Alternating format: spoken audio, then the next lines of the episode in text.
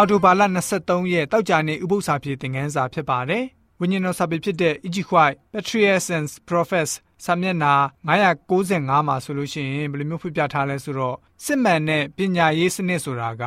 ဖျားသခင်ရဲ့ရုပ်လုံးတော်ကို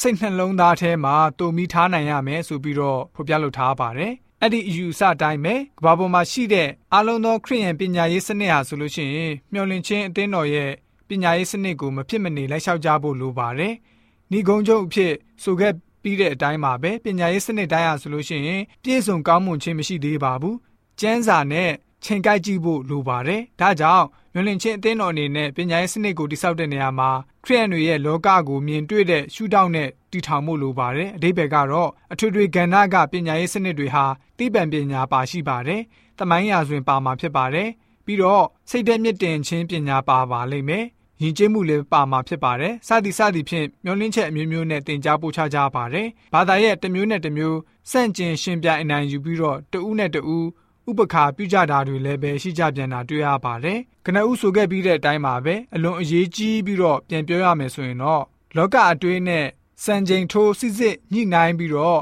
အစ်စ်အမှန်ပါလို့စနစ်တကျတီထောင်ချမှတ်အတီးပြုနေလင့်ကစားတမန်ကျန်းစာရှုထောင့်အမြင်ကိုအခြေခံတဲ့ တိဆောက်ထားတဲ့ပညာရေးစနစ်မျိုးဟာမဖြစ်မနေလိုအပ်ပါတယ်ဒီအထဲမှာမှမျောလင့်ချင်းအသင်းတော်ရဲ့ပညာရေးစနစ်ဟာတမန်ကျန်းစာအတိုင်းဖျားရှင်ရဲ့ပြည့်ညတ်တော်နဲ့အကန့်အညီဆုံးဖြစ်နေပါတယ်ဆိုပြီးတော့တောက်ကြနေဥပု္ပ္ပစာဖြစ်သင်ခန်းစာကဖော်ပြထားပါတယ်။ဥပု္ပ္ပစာဖြစ်သင်ခန်းစာ၄ကတော့ဒီလောက်ပဲဖြစ်ပါတယ်။ဥပု္ပ္ပစာဖြစ်အစီအစဉ်တစ်ဆက်သူကျွန်တော်ဆဆောက်ပါ။ကျန်တော့သူရောက်စီတိုင်းဝิญဉ်ခွန်အားနဲ့ပြေဝကြပါစေ။ကျေးဇူးတင်ပါတယ်။